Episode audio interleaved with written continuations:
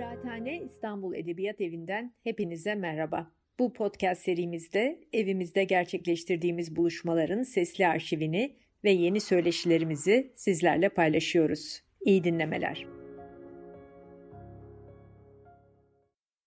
Bugün Diyarbakır'da Murat Bayram ile beraberiz. Merhaba Murat, hoş geldin. Merhaba, hoş bulduk. Nasılsın, iyi misin? İyiyim, sağ ol. Sen de iyisin inşallah. Ben de iyiyim, çok teşekkür ediyorum. Dilersen başlayalım. Hadi buyur. Murat Bayram 12 yıldır gazetecilik yapmak, yapmakta. Botan International'ın kurucusu olan Murat Bayram, aynı zamanda Biyanet Kurdi'nin de kurucularından ve Biyanet'te çalışırken 4 yıl boyunca Biyanet Atölye, Atölye Biyan'ın e, düzenlediği atölyelerde, gazetecilik atölyelerinde Kürtçe ve Türkçe eğitimler de vermişti. Murat aynı zamanda Oxford'un Dijital Gazetecilik Fellowship programında da eğitim almıştı. 12 yıllık hayatı boyunca 12 yıllık gazetecilik hayatı boyunca birçok uluslararası medya medyada da çalıştı Murat. Deutsche Welle, Al Jazeera International, New York Times, New York Times, Russia Today. Eklemek istediğim başka bir Guardian, Guardian gibi Evet. çeşitli e, uluslararası medya e, ajanslarında da haberler yaptı, çeviriler yaptı, videolar, fotoğraflar çekti onlar için. Sanırım bunlar da yayınlandı Evet. zamanında. Yaptığı haberler, çeviriler 8 ülkede 6 dilde yayınlandı Murat'ın. Ee, Sen böyle anlatınca kendimi ihtiyar bir gazeteci gibi hissettim. İşte Murat şunu yaptı, bunu yaptı diye. e, Buyur. kısa bir dönemde çok iş başarmışsın Murat. Tebrik ediyoruz seni. Evet bu ben miyim diye bir tereddüt ettim. Ama kitabım üzerine konuşuyoruz. Kitap hakkında bir şeyler demek istersin belki. Tabii ki. Aynı zamanda Murat Bayram, Kürtçe Edebi Gazetecilikteki bilinen, Kurmancı lehçesinde bilinen tek kitabın yazarı. Belki İş Ev ve kitabının yazarı. Ee, bu kitapta e, yasak yasak dönemlerinin olduğu Şırnak'ta, Sur'da, Cizre'de, Silopi'de, Silvan'da bulundu Murat. Ve e, buralarda çektiği videoları, haberleri, hikayeleriyle beraber kitaplaştırıp e, Avesta yayınlandı 2018 yılında çıkarttı. E, kitabınla ilgili bize bir şeyler eklemek, söylemek ister misin Murat? Evet aslında e, söylediğin gibi ilk başta e, elimizde bir örnek olmadığı için Kürtçe'de Kurmancı lehçesinde başka edebi gazetecilik e, disipliniyle yazılmış bir kitap olmadığı için ilk başta ne yazacağım aklımdaydı yani öyküler aklımdaydı ama bunları nasıl yazacağım aklımda değildi. Acaba roman tarzında mı olacak, öykü tarzında mı olacak? İlk başta bu e, soru yani onlarca soru işareti sürekli kafamı meşgul ediyordu ve bunu aşmak için etrafımda kimlere danışabileceğimi sorguladım. İlk başta e, yayın evimle konuştum Avesta yayınlarıyla, Abdullah Keskin. E, elimdeki e, fikrimi ilkin açıkladım. Şöyle öyküler yazmak istiyorum. Ben e, yıllarca e, e, gazetecilik yaptım ve insan öykülerini dinledim, fotoğraflar çektim. Bunları e, bir şekilde kitaplaştırmak istiyorum ama e, dünyada edebi gazetecilik örnekleri var. Acaba Kürtçe nasıl yapabiliriz diye sordum. İlk başta aslında benim gibi herkesin kafasında soru işaretleri vardı. Acaba nasıl yapacağız diye. E, editörüm çok takma. Sen yaz biz sonra bakarız dedi. Ama bu e, bendeki soru işaretini bitirmedi. Şeyi hissettim. 2015-2016 yıllarında e, insan öykülerini yazmıştım. 2018'de yazmaya karar verdim. Bu süreçte kişisel olarak o öykülerin yarattığı travmaları yaşadım ve bir şekilde onu yazmaya cesaret edemedim. Bu e, cesareti edindikten sonra, korkuyu kırdıktan sonra bu sefer de aklımdaki soru bunu nasıl yazacağım? Yani teknik sorular. Nasıl öyküleri işleyeceğim? Bir e, gazeteye yazdığım gibi öyküleştiremem. E, bir haber öyküsü gibi yazamam ama bir edebi eser olarak da nasıl bunu oluşturabilirim sorusunu çok sordum. E, etrafıma bakıp bu işten anlayan herkesi aradım. İlk başta amcam var Mehmet Sandı, Kürtsan TV'nin temsilcisi. Onu aradım. Aynı zamanda o 20 yıldan fazla kitap editörlüğü yapmıştı. Ondan bir liste aldım. Dedim ki hangi kitapları okursam bunu anlarım. Yani kafamdakini nasıl yazabileceğimi bilirim. Daha sonra e, bir akrabam var İsveç'te, Rinde Çaçan. E, benim çok başarılı bulduğum bir edebiyat eleştirmeni Rus edebiyatını Rusça okuyup Rusça eleştiriyor.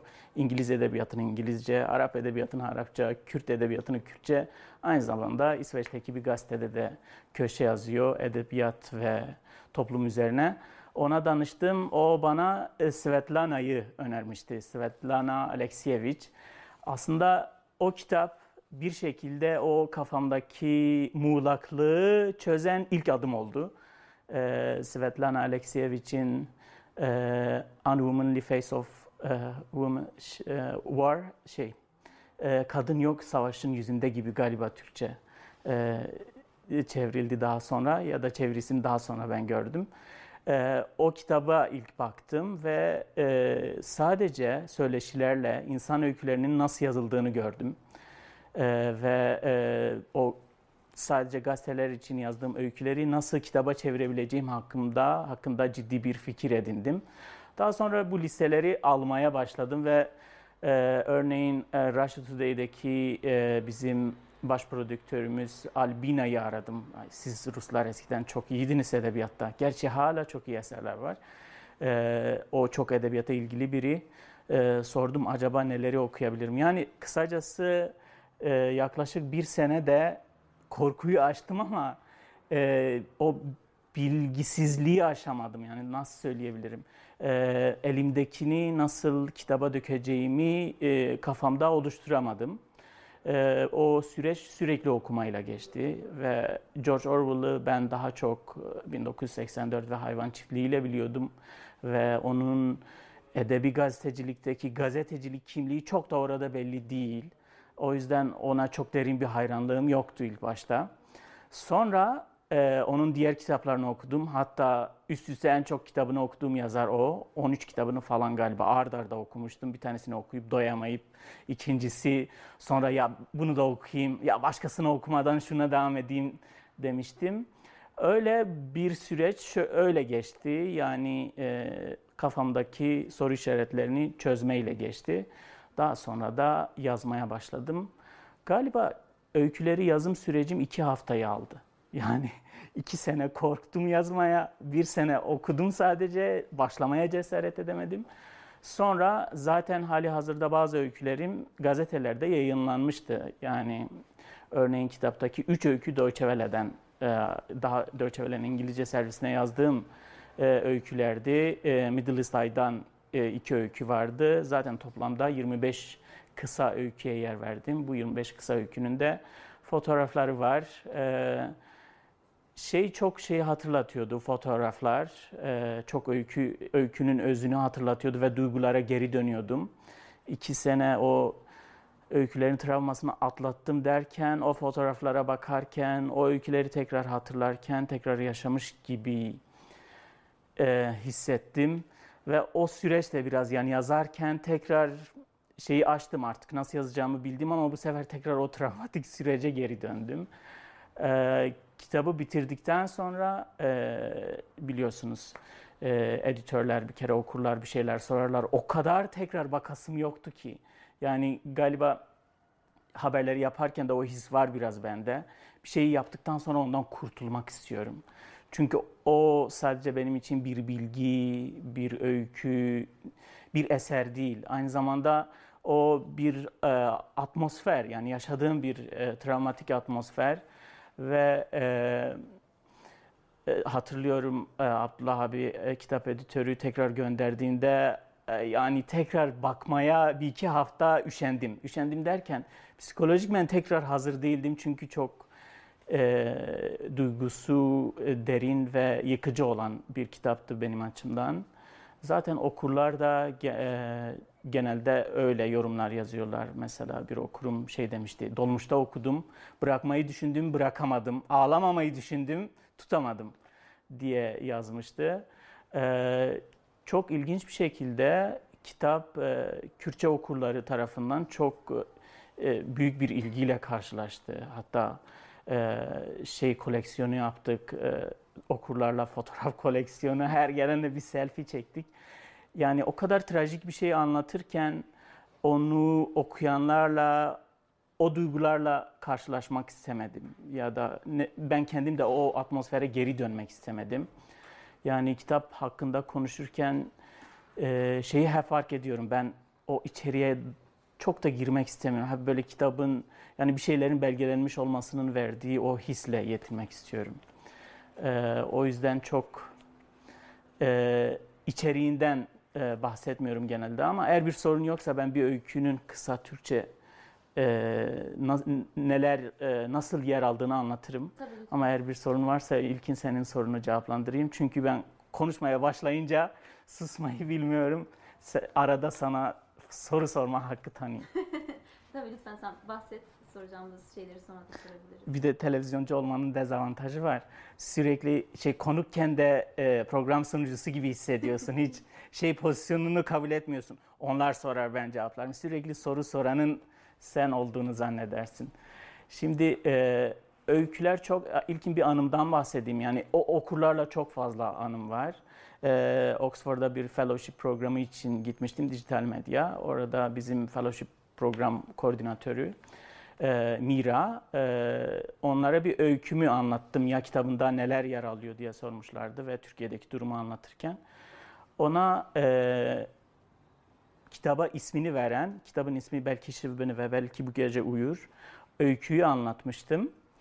E, hocam duygulandı ve derse devam edemedi.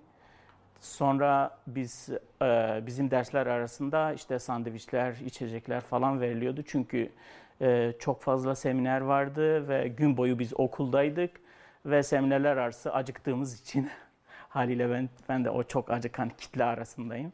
E, bize e, sandviçler veriliyordu. O e, şey sandviçleri yemeye giderken e, bir arkadaşım yanıma geldi dedi ki Murat sana sarılabilir miyim?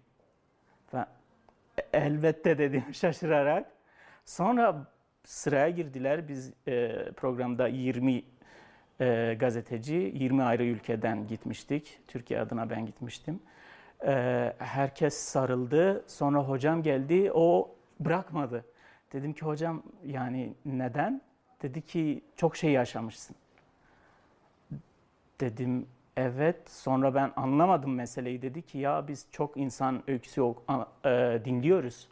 Ama mesela işte e, savaş uçaklarının insanları bombardıman etmesi ve öldürmesini de dinliyoruz ama bu o kadar uçuk geliyor ki bize gerçek gibi gelmiyor. Yani füzeyle öldürülmek falan. Ama sen e, bir annenin çocuğunu uyutma hikayesini anlatırken akşama çocuğumu uyutacağım aklıma geliyor sürekli dedi.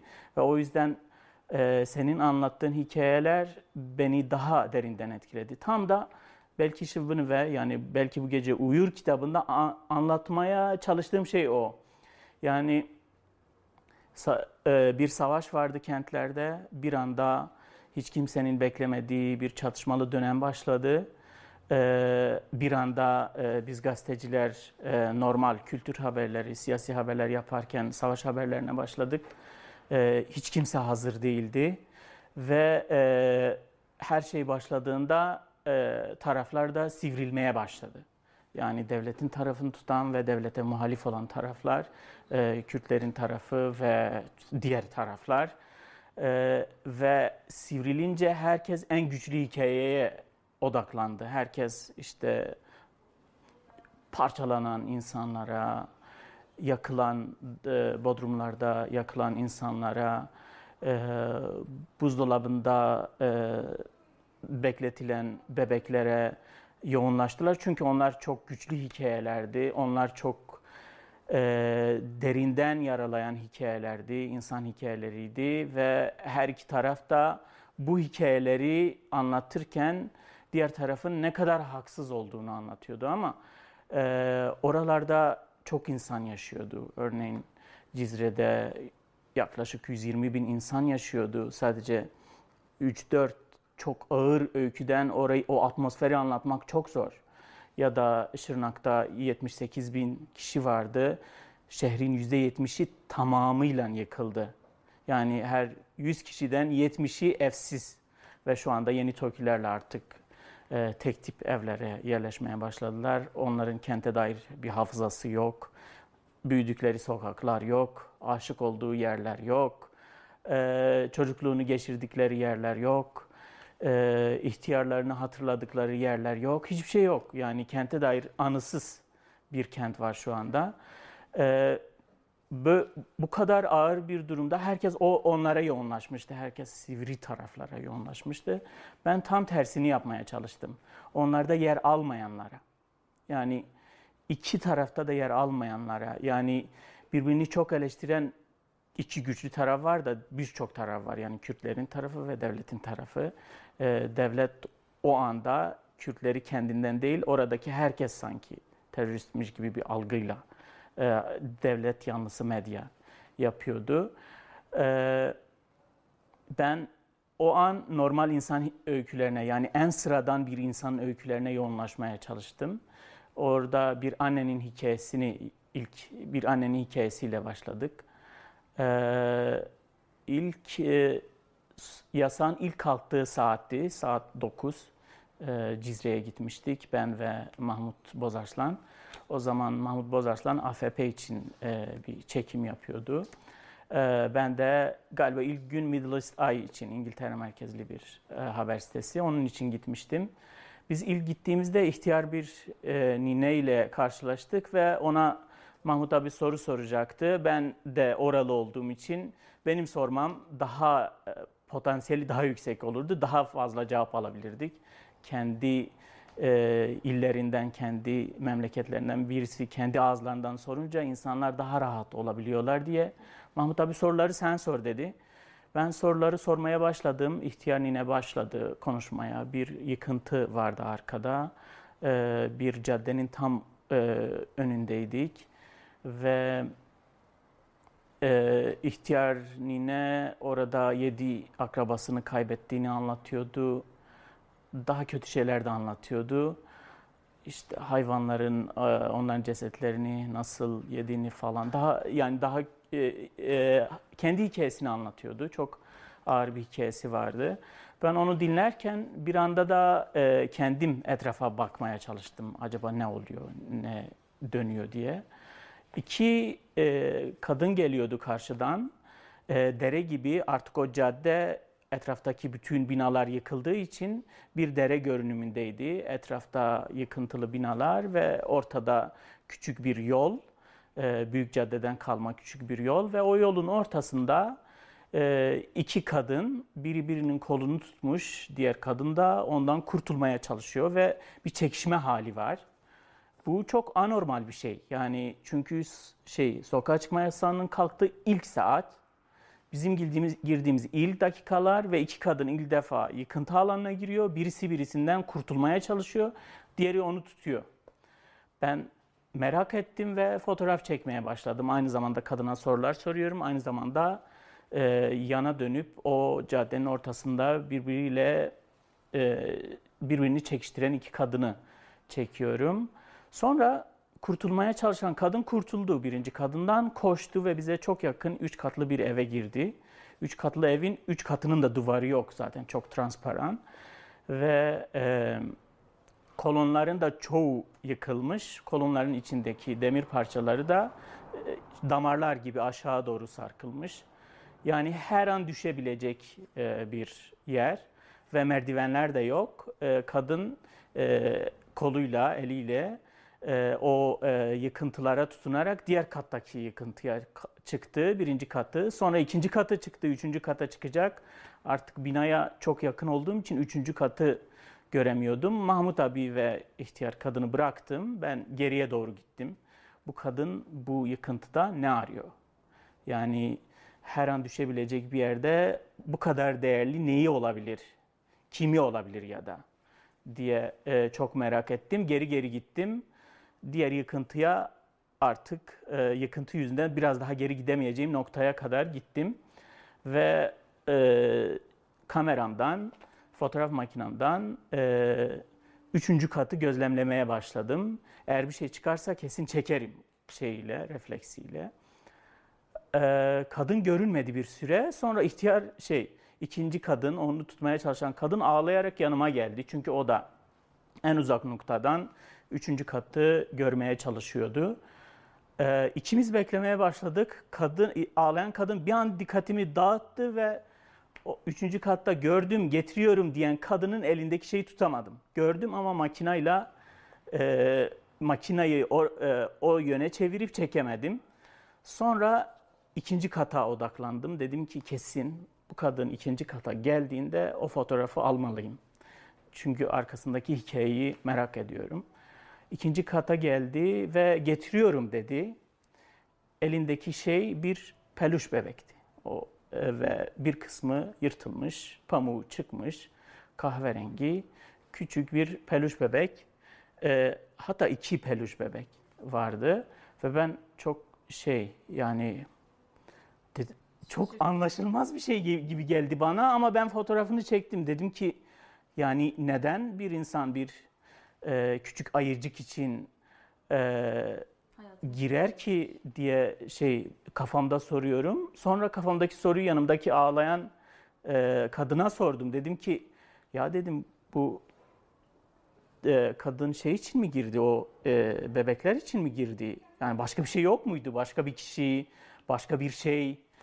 E, o ağlamaya devam etti ve diğer kadın bana bağla, bağırmaya başladı. Çekme fotoğraflarımı ne var ki?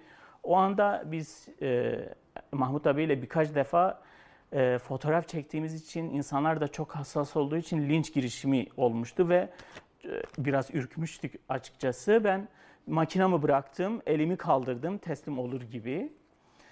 E, kadın yaklaştı, diğer kadın ağlamasına biraz ara verip anlattı. Dedi ki 8 aydır biz e, bir köyde yaşıyoruz Cizre'nin.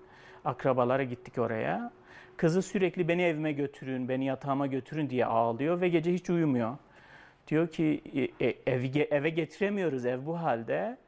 Ee, kızı diyormuş ki öyleyse benim bebeğimi getirin. Ona bebekler almışlar bir sürü yeni bebek.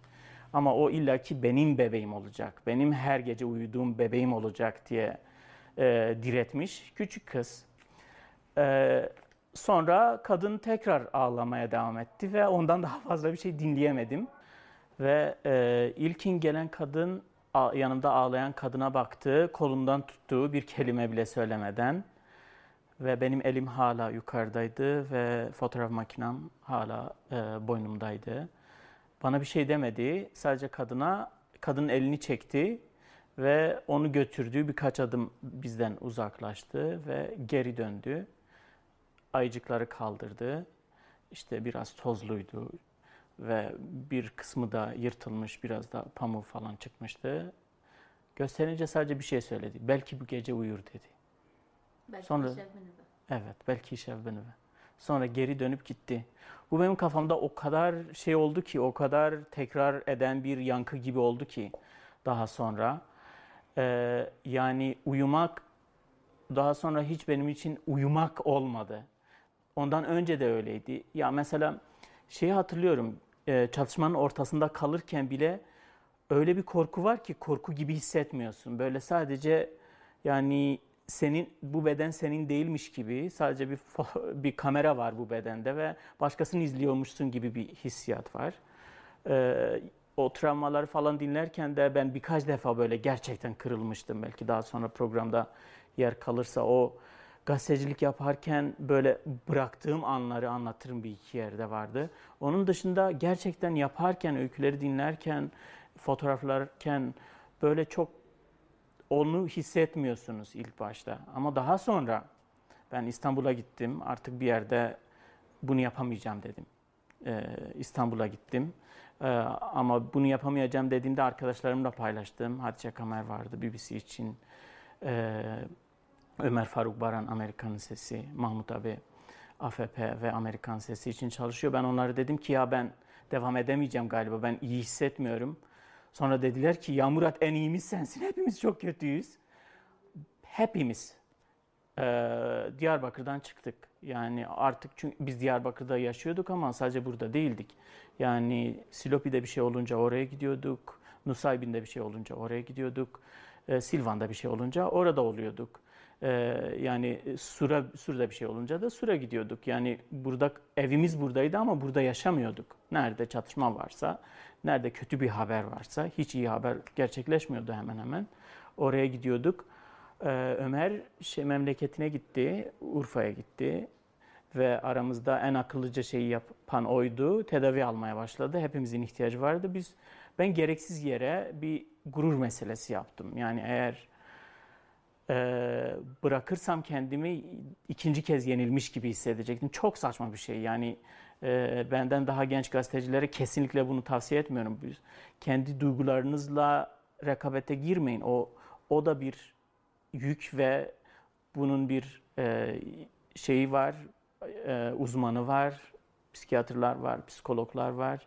Onları gitmek için gitmemek için hiç direnmeyin. Yani toplumun o aşıladığı e, negatif şeyi hemen kırmak lazımdı. Ama ben kıramamıştım ben. Gitmedim. Yıllarca onu çektim. E, sonra e, yazmaya başladım. Yani e, yazmaya başlayınca bu duygular tekrar geri dönmeye başladı. Anladım. Travmalarından bu yazım sürecinin ne kadar uzun olduğundan bahsettin. Sanırım bu biraz Şırnaklı olmanla alakalı ama bunun şaşırtıcı bir yönü de var benim için en azından ya da seni tanıyanlar için. Senin gazetecilik alanında haberlerinle ya da yazdığın yazılarla ya da kitabın da ödül aldı. Birçok ödül aldığını biliyoruz. Hı hı. Aslında güçlü bir kalemin var Hı-hı. diyebiliriz yani. Bu sürecin bu kadar uzamış olması e, şaşırttı biraz ama travmaların güçlüymüş. Şırnaklı olman da bence Hı-hı. etkilidir bunda. Dediğin gibi anısız bir şehir ile ve senin şehrin ile karşılaşmışsın. E, zor hikayeleri anlatmışsın. Ya şey çok e, önemli oluyor insanda. Olayla kendini ne kadar bağdaşlaştırdığın çok etkili oluyor. Ee, yani hikayeler, meseleler daha çok Şırnak ve ilçelerinde gerçekleştiği için Şırnaklı olmak elbette benim için dezavantajdı. Yani çünkü ben o sokaklara dair e, anılarım var. Ben o sokakları biliyorum. Ben o evleri biliyorum. Ben oradaki insanları biliyorum ama gene çok yıkıcı duygular vardı Sur'a giderken de. Silvan'a giderken de, Nusaybin'e giderken de, Lice'ye giderken de. Ama e, Cizre özelinde, Şırnak özelinde biraz daha farklıydı. Çünkü benim sadece insanlarla bir hikayem yoktu. Benim oradaki taşlarla, oradaki ağaçlarla da hikayem vardı. Hatta şeyi hatırlıyorum biz yani demin söyledim ya böyle gazeteciliği bıraktığım anlarımdan biri şöyle gerçekleşmişti. Biz Cizre'deydik. Bir e, hanımefendi vardı. ihtiya yani orta yaşlı bir teyze. E, ona sordum dedim ki e, ya buralarda bir ceset varmış ben e, ne, nerede görebilirim falan. Gel yavrum dedi hemen beni peşine taktı. Şeyler çok e, sokaklar çok, çok doluydu şeylerle e, yıkıntılarla ve zaten savaş döneminde de evlerden evlere e, delikler e, yapılmıştı ve evden eve geçiyordu herkes. Yani çatışan her iki tarafta YPS'nin silahlı e, insanları da e, polisler de güvenlik güçlerinin diğer birimleri de e, o evlerden evlere olan deliklerden geçiyorlardı ve o delikleri de ilk giden gazetecinin bilmesi çok zor. Çünkü bir eve giriyorsun, o bir yere dönüyor ve başka bir yerden çıkıyorsun. E, benim için zordu, teyze biliyordu. Hemen taktı beni peşine. Bir yerlerden girdik, bir yerlerden çıktık ve bir eve geldik. E, o ev benim liseyi okuduğum mahalledeydi. E, ve biz eve çıkınca çok yoğun bir koku vardı e, teyze hemen ağzını kapattı. Ben şey bilmiyorum böyle bir gözlem yaparken bir yandan da şok yaşıyordum. Dedim ki e, biliyor muydunuz e, öldürülen kişi kim diye. evet yavrum biliyorum tabii ki bizim mahallenin çocuğu dedi. Ya sen yaşlarında kaç yaşındasın dedi. 27 yaşındayım dedim. Dedi aa e, o da 27 yaşındaydı. O an öyle bir şey yaşadım ki yani onunla yaştaş olmak yani işte anlattığım gibi ne kadar bağ bağın varsa, ne kadar ortak yönün varsa o kadar daha fazla üzülebiliyorsun. Ee, yani akran olduğumuzu öğrenince birden şeyi hissettim ya ben burnumu kapatmamalıyım.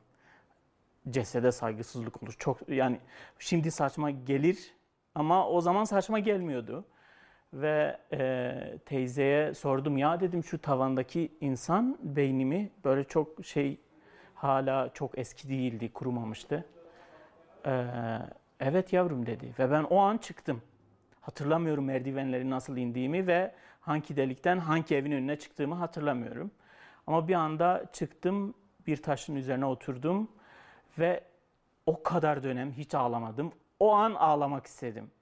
Çünkü olaylar çok üst üste gelince ağlamak gibi bir şey hissetmiyorsunuz. Böyle biraz şok hali, biraz e, şey gibi böyle gerçek değilmiş gibi yani olayı idrak edemiyor insan ilk başta. Ve o anda editörüm İngiltere'den mesaj yazdı. Dedi ki Murat iyi misin? Onun kaygılandığı şey gözaltına alınır mıyım? Fotoğraf çekebilir miyim? Linç edilir miyim? Çünkü atmosferi ilkin uluslararası medyada çalışıyorsanız ilkin giderken riskleri yazıyorsunuz. İşte ne kadar riskli, ne kadar kalacağım, ne olacağım diye ilkin bilgi veriyorsunuz. Öyle giriyorsunuz e, haber alanına. Ben sadece şeyi yazdım. Ya ben ağlamak istiyorum. Buna müsaade eder misiniz? Sonra yazarım dedi. Ha iyiyim, sadece ağlamak istiyorum diye yazdım. Ee, çok kısa bir cümle. Direkt e-mail attım. Ve kadın hemen döndü. Dedi ki Murat dedi etrafına bak istersen. Cizre'de ağlayan yüzlerce kişi göreceksin. Sen o yüzlerce kişiye bir kişi daha eklemek istiyorsan biz seni bekleriz. Sen ağla. Ama eğer gazetecilik yapmak istiyorsan orada bir görevin var. Biz seni bekliyoruz dedi. O anda şeyi bıraktım yani o ağlamanın ne bana ne kimseye bir yararı yok. Benim orada bir fonksiyonum var. Yani orada doktorun bir görevi var. Orada avukatın bir görevi var. insan hakları gözlemcisinin bir görevi var. Ben de orada bir gazeteci olarak benim de bir görevim var. Tam böyle toparlandım. Dedim ki evet ben ben de ağlayan herkes gibi ağlayan bir kişi olmayacağım. Ben buraya gazeteci olarak geldim dedim ve yani içimden geçirdim. Ve tam kalkmaya çalıştım bir teyze geldi. Dedi ki yavrumun beynini tavanda gördüm. Tam da benim yıkıldığım yerden. Ve kadın yığılacakken bir kadın daha kolundan tuttu ve onun yığılmasını engelledi. O an şeyi fark ettim. Aslında benim bunları belgelemem lazım. Bunları yaşamam değil. Ve ben yere atladım ve aşağıdan o kadının fotoğrafını çektim. Kadın yığılırken başka bir kadın onu tutmaya çalışıyor ve kadının ağladığı o işte parçalanan bedene sahip çocuk. Ee, ve bunun fotoğrafı ve öyküsü de şeyde var, kitapta var. Ama kitabı yazarken özellikle hatta şimdi anlattığımdan da daha az e, trajedik yanını anlatmaya çalıştım. Çünkü çünkü herkes çok şeyi anlatıyor, çok en trajik, en yıkıcı olanı anlatıyor. Böyle okunamaz derecede olanı anlatıyor. Ben daha daha çok insana hitap edecek kadar e, normal olan şeyleri anlatmaya çalıştım. Ama ona rağmen kaçamıyorsun. Çünkü orada normal olan her şey anormal. Yani e, hatta şeyi hatırlıyorum. E, çok yoğun bombardımanlar olduğunda uyuyamıyordum. E, bombardımanlar durduğunda normal silahlara geçince uyuyordum. Yani normal silaha geçince uyumak oranın o zamanın normaliydi. Yani ama şeyi sadece düşünüyorsun hiçbir tarafı düşünmeden bazı insanlar bazı insanları bu silahlarla öldürmeye çalışıyor. Kim olduğunu sorgulamadan. Ama sen uyuyabiliyorsun. Çünkü artık o senin normalin olmuş oluyor. Çünkü bir gün değil, iki gün değil, bir ay değil. O senin yaşamın. Sen o atmosferde uyuyorsun, o atmosferde yemek yiyorsun, o atmosferde su içiyorsun, o atmosferde yazıyorsun, o atmosferde fotoğraf çekiyorsun. O atmosfer artık senin için, e, senin normalin oluyor. Yani normalin çatışma içinde olmak oluyor. Ve o an, o zamanlar çok da bu yani normal olan şey normal gibi geliyordu o zamanın normali. Daha sonra mesela İstanbul'a gidiyorum. İstanbul'da herkes çok farklı bir hayatı var. Yani ben Cihangir'de çalışıyordum. Orada çok başka bir dünya var. İnsanların başka kaygıları var. Başka şeyleri var. İşe koşuşturma kaygıları var. İşte e, günlük şeyleri var. Çok ayrı bir dünya ve o zaman benim çok sıradan olan anılarım şey gibi gelmeye başladı. Çok korkunç gibi gelmeye başladı. Yani yaşarken korkunç gelmeyen şey hatırlarken çok korkunç gelmeye başladı. Ve o an ben uyumayı bıraktım aylarca. Sadece çok e, enerjimi kaybettiğim zamanlar bir an uyukluyor gibi olup sonra geri dönüyordum ve etrafımdaki şeyleri kaybetmemeye çalışıyordum. Mesela e, bir araç geçiyor, o aracın sesini takip ediyordum gidene kadar. E, komşularımız bir ses çıkarıyor, o sesi e, motive oluyordum susana kadar. Ondan sonra ışık olunca hayatta uyuyamıyordum. Yani e, çok o uyku benim için de bir mesele olmaya başladı. O sadece o bebeğin uyumama meselesi değil. Benim kendi açımdan da uyku artık bir mesele olmaya başladı ve şeye bir türlü geçemedim. Teknik olarak nasıl yazarıma. O, o süreç o yüzden çok uzadı. Yani şırnaklı olmak etkili oldu ama şırnaklı olmak değil. Kendi, e, o kişilerle, e, o olaylarla, o atmosferle bir bağ kurmak çok kötü oldu. Mesela Suzan Sontag'ın anlattığı gibi başkasının acına, acısına bakmak kitabında şey diyor.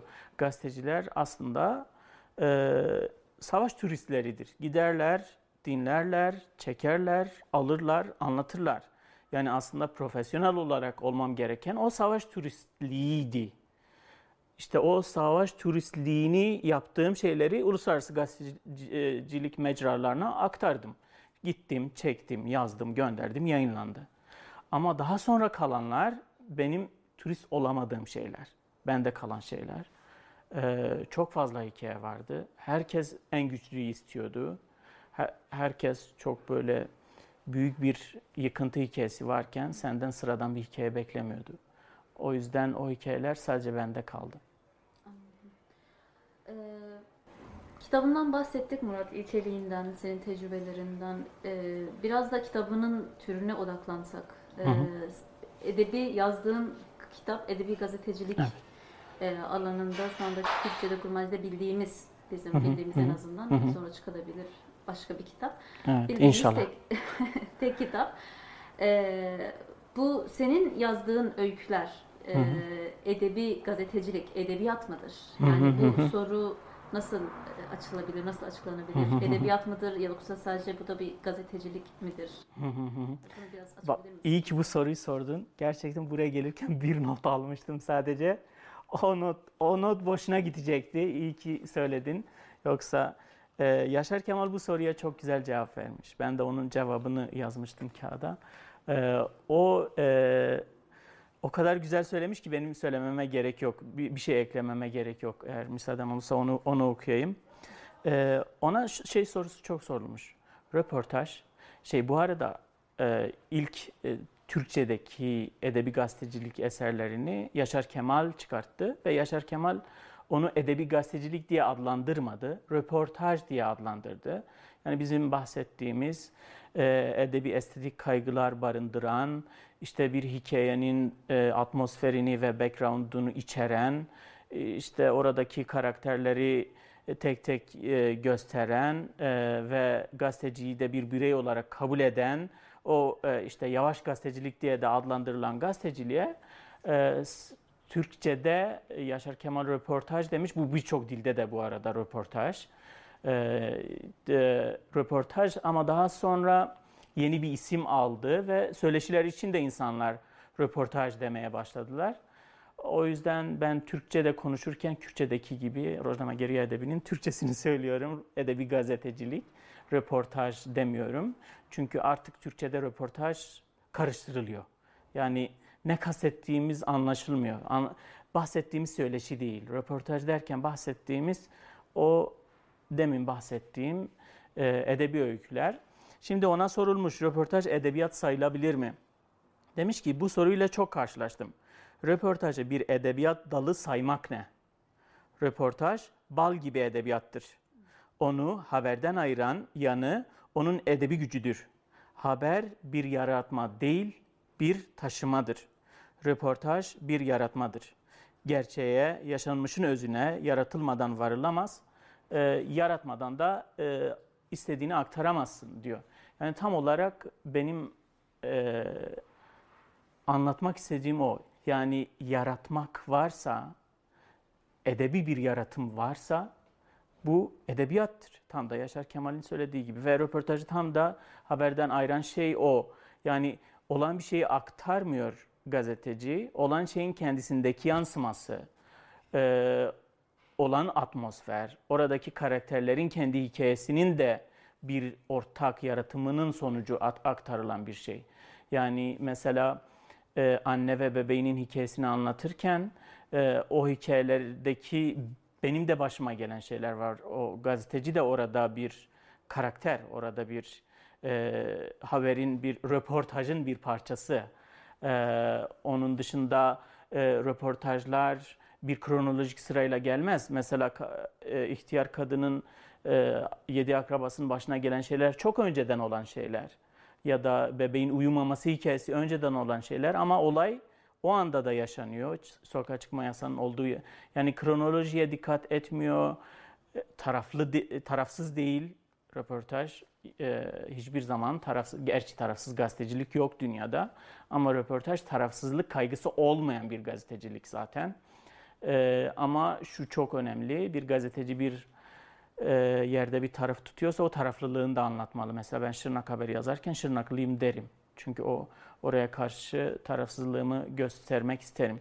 E, aynı zamanda tekrar Suzan Sontag'dan bir alıntı yapacağım. Çünkü e, tam da bugün anlattıklarımız onun e, tespitlerine çok paralel şeyler. E, John Berger'le bir söyleşileri var. John Berger bu soruyu Suzan Sontag'a soruyor. Diyor ki ya diyor e, gazeteciler olan bir öyküyü aktarıyorlar. Yani karakterler belli, hikaye belli. Belli olan bir karakterin belli bir hikayesini aktarıyor. Bu e, yaratım mıdır, bu edebiyat mıdır diye soruyor. E, Suzan Sontag bilge kişiliğiyle çok güzel cevap veriyor. Diyor ki herkes o karakterleri görebilir, herkes o hikayeyi edinebilir, öğrenebilir. Ama gazeteci o hikayeyi nasıl anlatırım diye başladığı o saniye yaratıma başlar. Çünkü herkes gördüğünü aynı anlatmaz. Herkes kendi e, yaratımıyla anlatır. Herkes aynı kişiyi aynı şekilde görmez. Herkes kendi yaratımıyla anlatır.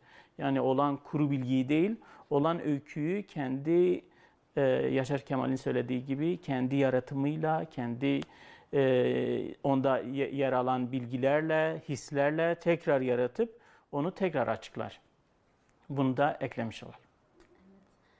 Ee, edebi gazetecilikle ilgili, tekniğiyle ilgili eklemek istediğin başka bir şey var mı? Yani bu gazetecilikle edebi gazeteciliğin ayrıldığı başka noktalar var mı? Aslında bu sorunun cevabı çok uzun. Biz sen biliyorsun zaten evet. Botan International'da. E, bu arada Botan International'da e, Türkiye'deki ilk Kürtçe medya eğitim ofisi. E, sınır tanımayan gazetecilerle ortak e, partner e, bir şekilde açtık. Ve orada e, dijital Kürtçe gazetecilik eğitimleri veriyoruz. E, onun beş atölyesinde edebi gazeteciliği anlattım. Sen de bir asistanlık. Evet, evet. Sen hem ilkin dersini aldın, sonra programlarda asistanlık yaptın. Ee, aynı zamanda Biyanet'te de senin yanında evet. sen editörüyken evet, staj, e, staj yaptım ve o zamanlarda da yapılan eğitimlerde evet, evet. eğitim aldım. Evet bu bu çok eklemek istedim. Evet zaten buradan da bu sorunun cevabının çok uzun olduğunu tahmin edersin. Yani e, genel anlamda edebi gazetecilik hakkında Türkiye'deki kitaplara baktığımda çok ciddi bir eleştirim var. Ben e, edebi gazeteciliği anlamaya çalışırken e, ilkin İngilizce kitaplar ve e, makalelerle başlamadım. İlkin Türkçeyi bir göreyim burada neler oluyor, nasıl anlatılıyor diye bakmıştım. E, ben diğer kategorileri bilmiyorum ama edebi gazetecilikte baktığım makalelerde, kitaplarda sürekli edebi gazetecilik nedir? Ee, edebi gazetecilik e, nasıl başladı? Tarihi nedir? Gibi soruların cevapları aranmış. Ama edebi gazetecilik nasıl yapılır sorusu Türkçe kaynaklarda yok. Yani o yüzden biz e, eğitim programlarımızda edebi gazetecilik öyküsünün e, yapısı nasıl oluşturulur? Nasıl hook yani başlangıç şey e, atılır, nasıl her sekans birleştirilir, nasıl e, tek tek sekanslardan diğer e, sekanslar oluşturulur gibi sorulara cevap veriyoruz. Şey e, edebi gazetecilikte genelde bir tezat meseleden ya da en hikayenin özü olan meseleden ya da atmosferden başlanılarak anlatılır. Çok fazla tasvir yapılmaz edebi gazetecilikte ama e, Türkçe'de edebi gazetecilik kategorisine giren kitaplarda ya da edebi kişiliğe sahip olan gazetecilerin anlatımlarında tasvir o kadar fazla ki ana öykü tasvire gömülmüş gibi oluyor. Ama e, edebi gazetecilik sadece tasviri atmosferi anlamaları için, okurun atmosferi anlamaları için e, yaratır. Yani e, o Yaşar Kemal'in e, anlattığı gibi, Yaşar Kemal'e galiba beşinci atıfım, e, Yaşar Kemal'in anlattığı gibi e, olayın arkasında neler yaşanıyor? Hangi travmalar var, hangi sevinçler var, hangi üzüntüler var onu anlatmaya çalışır. Yani beşen bir K hastalığı Türkçe'de yayılmış. Herkes sadece böyle şey e, tutanak tutar gibi işte Şırnak'ta bu oldu, şu kadar kişi öldü, şu kadar yasak ilan edildi, şu kadar bitti diye veriliyor. Çünkü e, ben anlarım kurumlar e, Türkiye gibi e, ifade özgürlüğünün sınırlı olduğu yerlerde gazeteciyi kendi duygularını, kendi araştırmasını anlatması için gazetecilere bir olanak tanımaz. Tanımak istemez. E, muhalif medyanın da böyle olması zaten daha kötü olanı. Yani hem e, iktidara yakın medya hem muhalefet medyası gazeteciyi şey e, yani sadece bilgi aktarıcısı olmasını ister. Tam da Yaşar Kemal'in söylediği gibi haber bilgi aktarımı. Onların taşıyıcı olmalarını ister. Git bak söyle. Ama orada neler oluyor araştır, insanlarla konuş, hisset, e, ne bileyim yorumlarda bulun diyemez. Yani demek istemez ya da. O yüzden Türkçe'de de bir gazetecilik e, tercihen ilerlememiş. Kürtçe'de olanaklar ve e, iktidarların, kurumların ve durumların engeliyle ilerlememiş ve biraz da biz de tercih etmemişiz. Anladım. Son olarak genç gazetecilere, e, sen de henüz gençsin ama e, uzun Bu soru niye bana soruluyor? uzun tecrübelerin, uzun süreli tecrübelerin olduğu için böyle bir soru soruyorum. Yoksa sen de gençsin. Ama ihtiyarlığımla başlayıp ihtiyarlığımla bitiriyorsun evet. E, benim gibi genç gazetecilere ya da gazeteci olmak isteyenlere e, önerin ne? Mesela Yani anlatmak istediğin edebi gazetecilik travma- yapmaya çalışan gazeteciler mi yoksa genel gazetecilik mi soruyorsun? genel gazetecilik ya da dediğin gibi Hı hı. Ya hani e, konuda bir eksiklik, eksiklik veya e, bir şey eklemek istediğini düşünüyorsan. Hı hı. Şöyle çok e, şu durumu ben yaşadım. O yüzden bunu kimseye söylemek istemiyorum. Ya ben gazeteciliği ilk aklıma koyduğumda, aslında kalbime koyduğumda ben öğrenmek istiyordum. Ben- Kürtçe öykü yazıyordum daha. Ben ilk gazeteciliğe 19 yaşımda başladım. O yüzden Oldukça genç. o yüzden 13 yıldır, 12 yıldır gazetecilik yapıyorum. Ee, ve hala kendimi ihtiyar gibi hissetmiyorum. Ee, ilk başladığımda e, gazeteci büyüklerime sordum ya ben gazetecilik yapmak istiyorum ama Kürtçe'de çok az kaynak var ne yapabilirim diye. Sorduğum kişilerin tamamı bana gazetecilik ne ki ya yapma dediler. Ve şu an gazeteci meslektaşlarımla biz oturuyoruz arada. Herkes gazeteciliğin neden yapılmaması gerektiğini anlatıyor.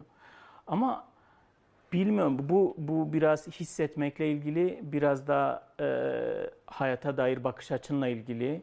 Eğer gazeteci olmak istiyorsa insan, olan e, bütün hikayelere şahitlik etmek istiyorsa, e, olan mevzuları, durumları, hikayeleri anlatmak istiyorsa bundan vazgeçmemeliler bence. Ve e, sadece bu- bu 10 yılda benim e, başladığım zamandan bu zamana çok şey değişti. Kürtçe medya için bahsediyorum. Türkçe medyada hep kaynaklar vardı zaten.